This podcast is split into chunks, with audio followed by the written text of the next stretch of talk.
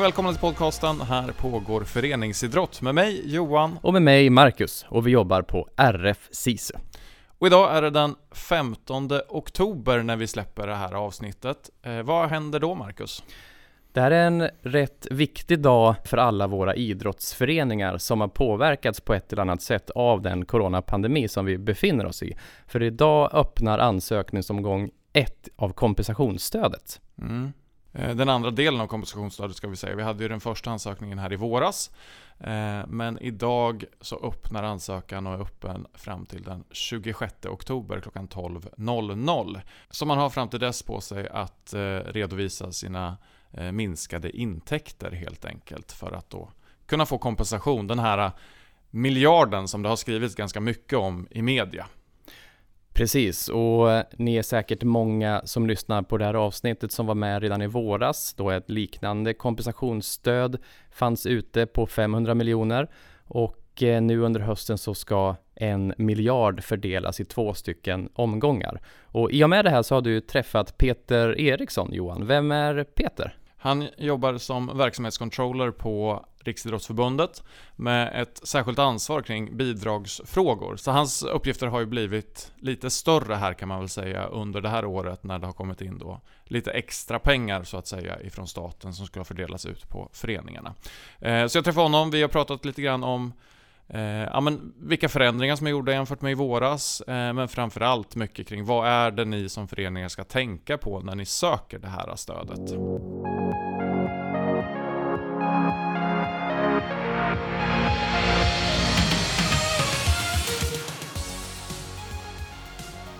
Hej Peter, och välkommen till podcasten Här pågår föreningsidrott. Kan inte du berätta lite kort bara vem du är och vilken roll du har på Riksidrottsförbundet?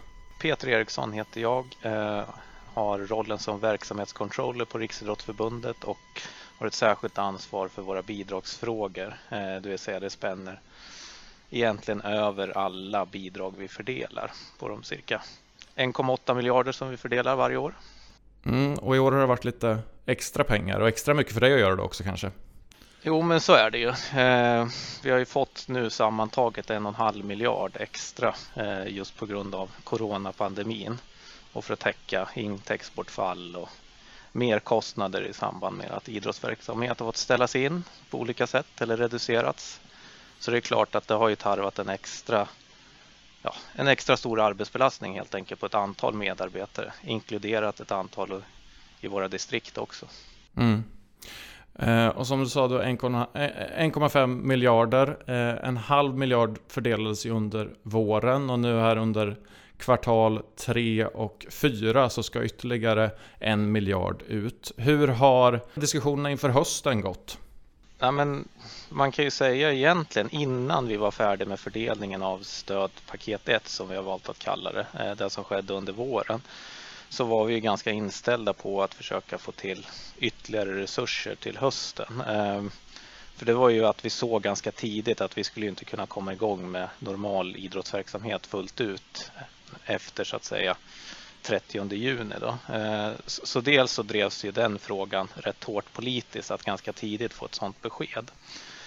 Eh, vi fick ju vänta till efter sommaren för att få det beskedet som sådant. Eh, men vi har ju varit på det klara med att grundprinciperna som ändå fastställdes redan i våras, de skulle även vara gällande i kommande stödpaketet. Dels för att vi tyckte att de fungerade rätt bra. Dels också att vi vill ha en hygglig samstämmighet med det som gjorde i våras. Eh, så det har ju varit grundresonemanget. Eh, sen har vi gjort några förändringar då, förhoppningsvis till det bättre. Mm. Hur har det här samarbetet med regeringen fungerat tycker du ifrån idrotten? Ja, men överlag så tycker jag att det liksom har, har fungerat bra. Eh, och jag tror mycket mycket ligger i det att vi ändå varit ganska snabba på banan. Idrotten var rätt snabba och var samlade kring den här frågan rätt så tidigt. Eh, och det är alltifrån egentligen att eh, pandemin startade någon gång på allvar där i mars månad och det verkligen blev liksom ett nödläge på olika sätt. Eh, vi var ganska snabba på den bollen kunde ställa vissa krav och förväntningar på, regeringen då som ändå tycker jag har svarat upp Eh, på ett hyggligt sätt liksom, eh, i, i förhållande till de kraven vi har haft.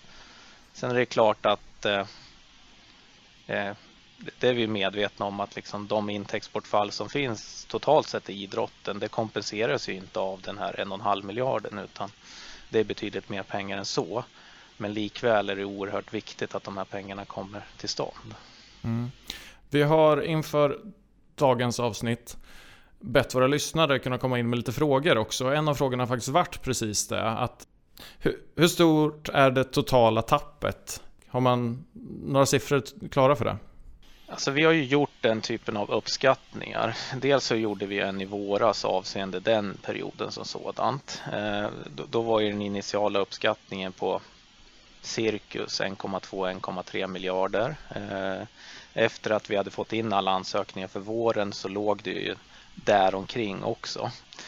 När vi sen under samma period, innan sommaren egentligen, gjorde, bad våra förbund göra ett antal uppskattningar kring deras verksamhet på olika sätt, inklusive föreningsverksamheten. Då, så landar vi ju att under kvartal 3 och kvartal 4 så, så ligger det ju på ja, strax över 2 2,5 miljard. Alltså man kan ju säga i förhållande till den här 1,5 miljarden då som vi har blivit beviljade så skulle jag säga att det är minst det dubbla i, i, i faktiskt intäktsbortfall.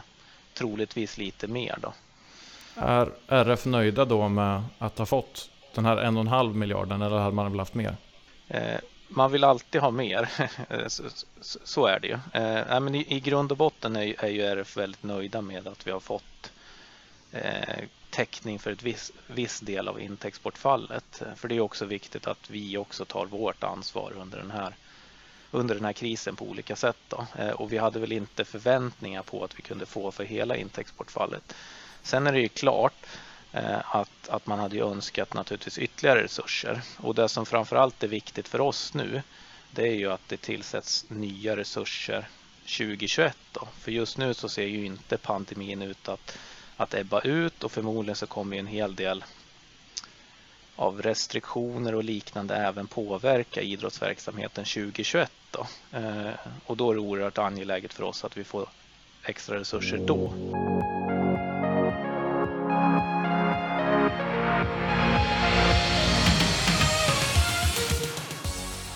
I våras så kritiserades utfallet en del för att då en väldigt stor del gick till eh, manlig idrott. Eh, och det här är bland våra lyssnarfrågor så har vi fått in det här från flera olika. Hur ska eh, RF säkerställa att fördelningen blir mer jämställd för hösten? För det första får man ju då konstatera att eh, eh ojämställdheten eh, och det som egentligen är speglat på, många, på, på en del håll har ju framförallt eh, handlat om kanske en eller två, möjligtvis tre olika idrotter. Då. Eh, och där handlar det i de fallen egentligen att, att det är väldigt stora skillnader i vilken typer av intäkter som, eh, om vi exemplifierar det med, med fotbollen då, där herrallsvenskan omsätter enorma belopp jämfört då med damallsvenskan. Eh, och det innebär när vi designade ändå ett system så tittade man ju på hur mycket pengar har respektive förening, hur mycket pengar har respektive verksamhet tappat under den här perioden. Eh, och då blir det ganska naturligt att ja, de som har tappat mest, de får också mest. Amanda Lind gick ju ändå ut och sa här också att man då ville se till så att det blev ett mer jämst, en mer jämställd fördelning. Finns det något sätt som man ändå kan Eh, göra så att det blir något mer jämställd även om, om förutsättningarna såklart spelar in? Mm, ja, men det, det, vi har gjort, alltså grund, i grund och botten så kommer vi fortfarande så att säga göra en, en krass bedömning av vilka intäktsbortfall respektive verksamhet har.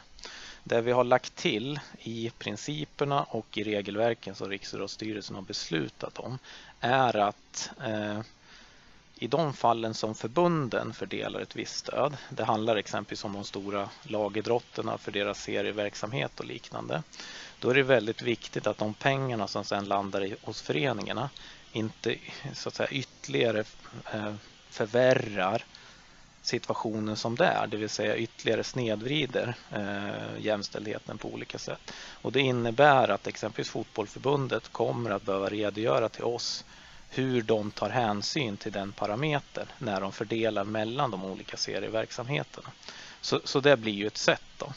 Eh, men det kommer inte innebära att, att det blir liksom en, en helt jämn fördelning, det vill säga att eh, manlig elitidrott får exakt lika mycket som kvinnlig elitidrott om vi tar det exemplet, utan snarare kan det handla om att man skjuter till lite ytterligare pengar till exempelvis damelitidrottsföreningarna Då på bekostnad i sådana fall av herrelit. Hur stor skillnad tror du att det kan göra? Ett antal hundratusen kronor eh, åt det ena eller andra hållet kan vara rätt mycket pengar för, för, för damidrotten som sådant. Då. Eh, eftersom det är väldigt stora skillnader liksom i omsättningsnivå på en ja, en medel, eh, medelförening i, all, i herrallsvenskan respektive en medelförening i damallsvenskan exempelvis. Så att, eh, det behöver inte vara så stora skillnader åt det ena eller andra hållet så kan det ändå vara en märkbar skillnad. Mm. Den lägsta sökbara summan har sänkts eh, ifrån 15 000 i våras till 10 000 nu under hösten. Varför har den gjort det? framförallt så, så har det där varit ett önskemål från ett antal av våra specialidrottsförbund då, som tyckte att ja, men vi har en hel del rätt små föreningar som ändå har tappat eh, eh, en del resurser och så vidare. Borde inte de åtminstone kunna söka som, som sådan och sen så får vi göra en bedömning om det så att säga är tillräckligt mycket i nästa led. Då. Det viktigaste är kanske inte om gränsen är 10 000, 15 000 eller någonting annat utan snarare att det finns en viss gräns så att respektive förening ändå funderar igenom. Är det så att vi har ett intäktsbortfall men samtidigt så vet vi också att många föreningar också har en del minskade kostnader som gör att de kan parera det där på olika sätt. Så, det, så gränsen från början var egentligen ett sätt för föreningen att faktiskt fundera igenom sin ansökan innan man skickar in den. Har vi, har vi de facto ett intäktsbortfall eller är det så att vi faktiskt har parerat det? För en av grundprinciperna med hela stödpaketet är ju också att vi har ett gemensamt ansvarstagande i hela idrottsrörelsen. Och då är det viktigt också att vi ska försöka ge resurser till de som bäst behöver det. Eh, jag jobbar ju eh, till vardags som idrottskonsulent och har ju då haft kontakt med en del av de här mindre föreningarna också. Det är ju lite som du är inne på att många har ju ibland nästan känt att det kanske inte har varit gränsen alltid heller som har varit problemet utan snarare att man haft svårt att få till själva ansökan eh, för att det har krävts ganska mycket av den lilla föreningen. Och där sitter man ju på väldigt olika resurser om man tittar på en ja, herrallsvensk fotbollsförening eller en SHL-förening eh, jämfört då med en liten förening i en lite mindre idrott kanske också. Finns det någonting man har kunnat gjort liksom kring det för att säkerställa att, att alla liksom får en möjlighet att få eh, ersättning för de bortfall man faktiskt har haft? Ja, det där är ju en sån där vad ska vi säga, klassisk balansgång. Å ena sidan vill man ju ha så pass bra underlag så att man kan känna sig trygg när man fattar beslut eh, som sådant. Och då krävs det ju ändå en viss mått eller form av verifikation helt enkelt. Å andra sidan vill man ju då naturligtvis inte att eh, vissa föreningar ska kunna inte söka för att de tycker att det är för jobbigt administrativt. Då. Och, och, vi vet att så var fallet i, i första omgången. Det vi hoppas och tror lite grann i andra omgången. Dels är ju våra 19 distrikt oerhört mycket på hugget kring den här frågan och eh, är väldigt duktiga nu tycker jag på att informera och ha olika typer av teamsmöten och liknande med föreningarna för att verkligen gå igenom.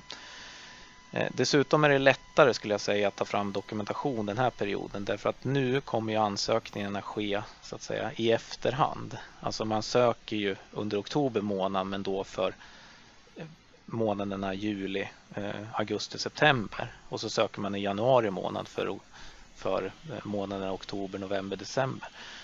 Då underlättar det också för alla föreningar att, att egentligen kunna redovisa, okej okay, men så här gick det faktiskt men igen då, vi har svårt att acceptera exempelvis handskrivna lappar eller att man enbart kommer in med ett Word-dokument där man beskriver att man har tappat sig och så mycket. Det behövs ändå någon form av eh, styrkande av uppgifter genom styrelseprotokoll, att man hänvisar till någon eh, Facebook-sida där man visar att man har ställt in evenemanget eller liknande. Och det handlar ju i grund och botten också om att det är statliga pengar och skattemedel som vi ska försöka förmedla. Vi har fått en lyssnarfråga från Katarina också som eh, vidrör det vi har pratat om precis. Att, eh, Kommer det göras någon uppföljning för att se ifall pengarna har gått till rätt saker? Eh, respektive förening eh, som har fått ett ekonomiskt stöd. Eh, om vi nu tar vårens stödpaket egentligen som, som exempel. Då, de har till och med nu, eh, första december, att inkomma med liksom en kortare beskrivning kring hur de har använt eh, pengarna som sådant. Eh, och sen tar vi också in ytterligare några uppgifter kring eh, vad det har inneburit för föreningen. Då. Sen är det ju så att eh, det ska ju täcka liksom, eh, utifrån de uppgifter som har inkommit ett intäktsbortfall som sådant. Eh, och det vi vet är ju att det är ingen förening som är eh, hundraprocentigt kompenserad utan de föreningar som är mest kompenserade är kompenserade med upp till 60 procent av sitt bortfall.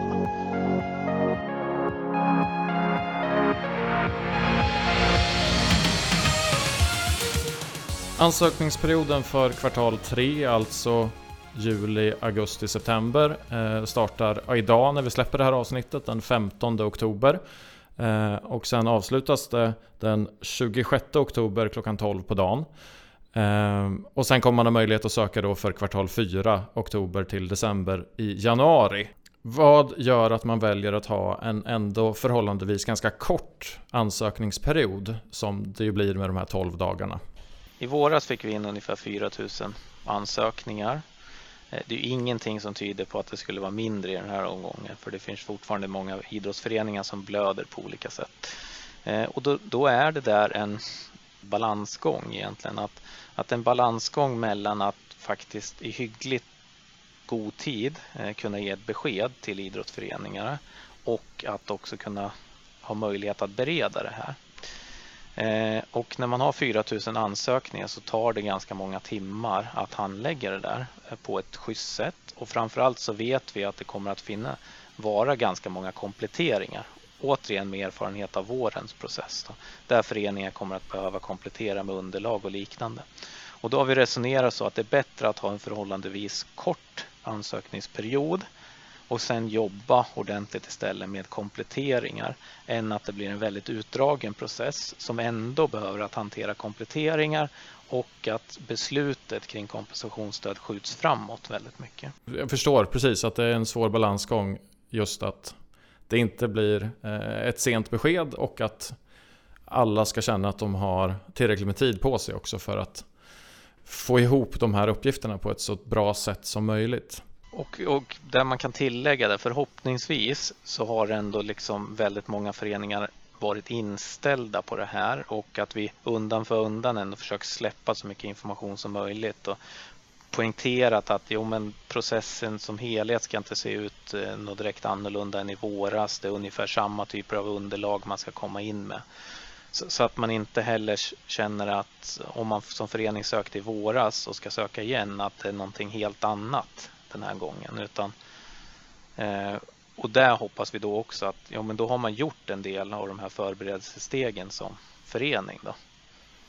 Ja, precis. Det går att förbereda sig även innan idag den 15 oktober. Man kan ju då ha, ha, ha påbörjat det här innan också. Eh, jag har en sista lyssnarfråga också som jag vill ställa, eh, som Therese har skickat in. Vilka vanliga fel gjordes i våras och vad kan vi göra för att eliminera dem nu under eh, höstens ansökningar istället? Och med fel i det här sammanhanget antar jag eh, felen som föreningar eventuellt gjorde i sin ansökan. Det är så jag tolkar lyssnarfrågan också. Vi får hoppas yep. att det är så. Ja, men då svarar vi utifrån det. Då. Eh, och nummer ett så kan man säga att eh, det, man ska vara duktig som förening på det är att kunna verifiera att de här evenemangen eller verksamheten faktiskt har drabbats. Eh, handlar det om att man exempelvis har ett, en, en inställd kupp eller turnering, ja men skicka med då ett styrelseprotokoll exempelvis där, där som beskriver att ni har ställt in det eller skicka med en länk till eh, er hemsida när ni har en nyhet kring att kuppen eller liknande är inställt. Alltså, det var ju en sån där del att det var ganska många föreningar som som inte verifierade utan de skrev att jo, men vi skulle ha de här verksamheterna och de här kupperna men det fanns ingen verifikation på att så därför var det många föreningar som fick komplettera med den typen av underlag. Den andra delen är ju att eh, i väldigt många verksamheter så har man ju ändå stöd av det som har skett året innan. Eh, det, ofta så har man ju liksom återkommande aktiviteter och verksamheter och evenemang som sådant.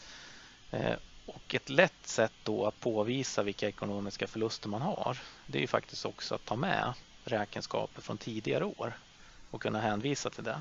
Det kommer inte täcka in alla fallen, men jag skulle säga 85-90 procent av alla ansökningar kan nästan hanteras genom att man eh, bifogar underlag från tidigare år. Eh, så, så, det är två stycken sådana där eh, som är väldigt bra att tänka på. Och sen en tredje del då, och det här handlar om egentligen det hela det gemensamma ansvarstagandet för idrottsrörelsen i det här sammanhanget. Det är att man också som förening faktiskt funderar igenom under den här perioden när vi har haft ekonomiska förluster har vi då också haft minskade kostnader i annan del av verksamheten. Så att man också redovisar den typen. Eh, och, och det, är, det, handlar ju väldigt mycket om solidaritet med, med varandra helt enkelt. Och vi vet att väldigt många föreningar har tappat jättestora intäkter på vissa saker men sen har de kunnat spara eh, pengar på andra delar av verksamheten. Exempelvis genom att det inte har blivit så mycket tävlingsverksamhet heller, vilket innebär att de kanske har sparat pengar på, på resor och kost och logi för en annan del av verksamheten. Så det är väl också en uppmaning, för det där kommer våra handläggare att be ganska många föreningar att komplettera om man ser att man inte skriver att man har några minskade kostnader. Har du några ytterligare tips som du skulle vilja ge till föreningar som nu sitter i eh, antingen mitt i en eh, ansökningsprocess eller ska se till att försöka få in ansökan här innan den 26 oktober? Förutom underlagen, eh, skicka gärna med eller skriv i de textrutorna som finns. Faktiskt gör en beskrivning av så här har vi resonerat kring våran ansökan. Alltså att vi har, det här, vi har den här ekonomiska förlusten på 30 000 kronor. Det är på grund av det här och att man så tydligt som möjligt redogör. Eh, för, då, för då underlättar man väldigt mycket både för föreningen själva i och med att de inte får kanske tillbaka kompletteringar och för handläggaren som mycket lättare har att följa de underlagen som föreningen har skickat med. Så finns det liksom, eh, och det handlar kanske om fyra, fem rader för att göra en ansökan väldigt tydlig.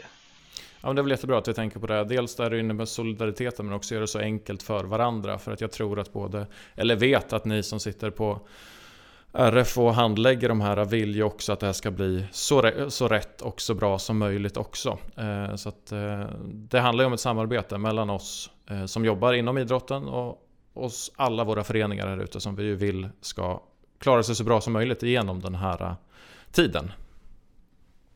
Eh, tack så jättemycket Peter eh, för att du tog dig tid att vara med eh, här. Får vi hoppas att det blir ett eh, smidigt förfarande här under oktober och även sen i januari när det är dags för kvartal 4 också. Tack så mycket.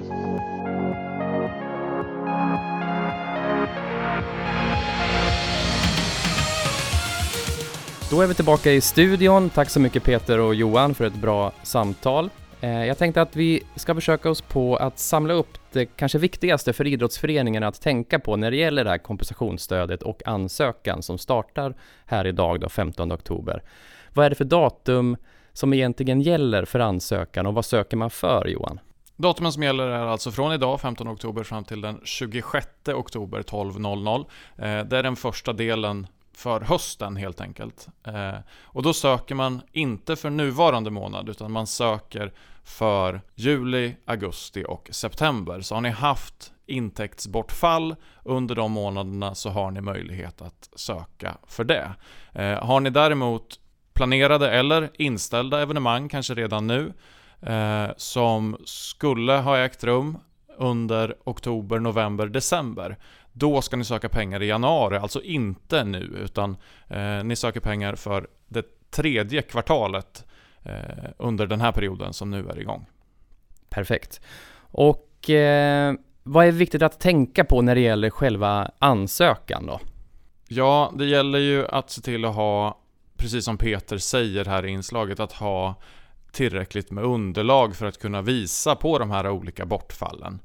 Eh, så att man inte kan tvivla på att det skulle ha skett. Han är inne på att ja, men har man tagit ett styrelsebeslut på att ställa in ett evenemang till exempel, lägg med det. Lägg hellre med för mycket underlag än för lite. Och som han också säger att använd den här äh, kommentarsfältet som finns i ansökan också för att förtydliga saker som ni kanske tänker att det här skulle kunna vara otydligt om man inte är insatt i det här. Så försök se eran ansökan med ögon utifrån helt enkelt för att det ska bli lättare att förstå den i den ni ansöker för. Eh, och kom ihåg det också att det, det, här med solidariteten kring det också. Har ni under den här coronaperioden eh, också haft minskade utgifter eh, så att det gör att ni kanske till och med står på ett plusresultat jämfört med hur det hade varit innan. Ja, men då kanske inte kompensationsstödet är för er utan då är det bättre att vi låter de föreningar som faktiskt går på knäna få ta del av de här pengarna och kanske få en lite större del av det. Precis, så är ni nu en idrottsförening som ska igång med det här arbetet och behöver hjälp och stöd i eran ansökan så finns vi tillhanda på RFSISU-distrikten med våra konsulenter som står behjälpliga i det här arbetet.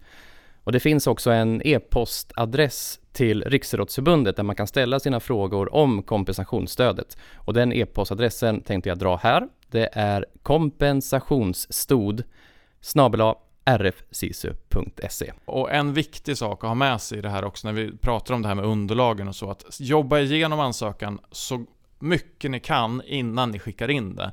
För någonting som, som vi lärde oss som konsulenter med, som när vi var i kontakt med olika föreningar i våras var att kompletteringstiden är väldigt kort. Eh, så att jobba igenom det så mycket ni kan, hellre ett varv extra innan ni skickar in det första gången istället för att då få jobba igenom kompletteringarna och då med kanske ännu mera tidspress än vad ni känner eh, inför att skicka in det första gången. Och med det så önskar vi er alla föreningar ett stort lycka till i det här arbetet och kom ihåg att ta hjälp om ni behöver eh, stöd och råd kring er ansökan.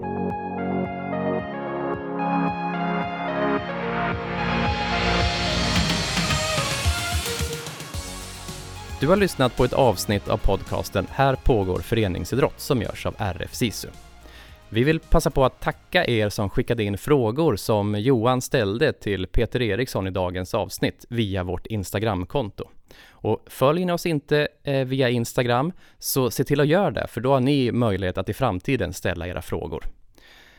På Instagram heter våran kanal Här pågår föreningsidrott ihopslaget till ett ord. Vill ni hellre mejla oss så har vi också en mejladress och då kan ni mejla till podd rfsisu.se.